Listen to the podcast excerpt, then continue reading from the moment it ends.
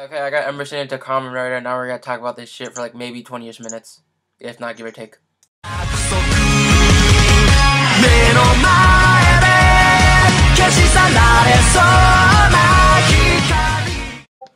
So I got Emerson into Kamen Rider, and we just I just had him watch episode two. He watched episode one earlier. What the what the hell do you think about it?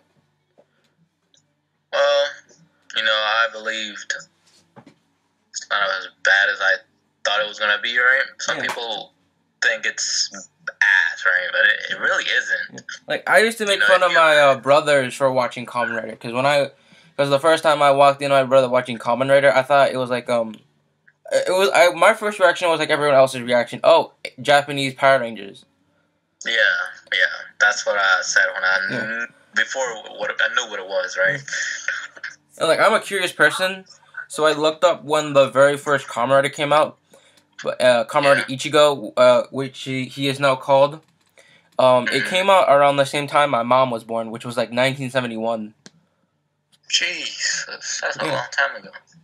Yeah, and like the original uh, Kamen Riders actually still appear every now and then as voices and not and like their actual suits because of their ages. Oh, yeah, makes sense. Makes Yeah. sense. I also got I mean- your girlfriend into Kamen Rider. She thought it was interesting. Yeah, she mentioned about that. You told her to watch it, and she said it was interesting. She she didn't find it as bad, uh, like Yeah. you know, boring or anything like that. She said it was good. Yeah. I think because um when I was a kid, um I accidentally started watching Kamen Rider. Like so I looked up uh there's a thing called uh Super Sentai ToQger and I always and I grew up calling it Power Rangers Trains. And then I looked up Power Rangers Trains and like um then I started watching um the Super Sentai crossover with, with uh Gaim. And I watched it by accident and I actually liked it.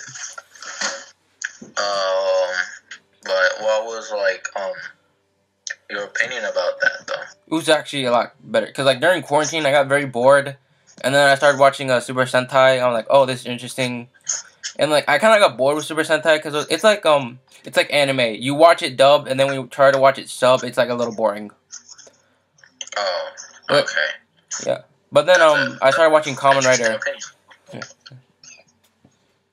and then I started like watching Kamen Rider more or significantly more. It's like it's Huh? hard to watch Super Sentai for me because um I've already I grew up watching like Power Rangers and shit. Yeah, I tried uh, watching um fucking um Shinkenger. It was kind of hard to watch it because like all was um all I thought of was Power Ranger Samurai, which kind of ruined it for me. Power Rangers are like Oh, that's where that went. yeah. It's Yeah, like the dumbed down version of it. Cause like yeah. in Japan, Wait, common. that? Hmm? What? What's up Yeah, your mic is cut. It's cutting off, man. again? Yeah, Yeah, it's cutting off. Oh, I think I have like some stuff open. Oh Okay, so no, but the, oh. yeah, I was do you think the new Power Rangers are? childish. Yeah.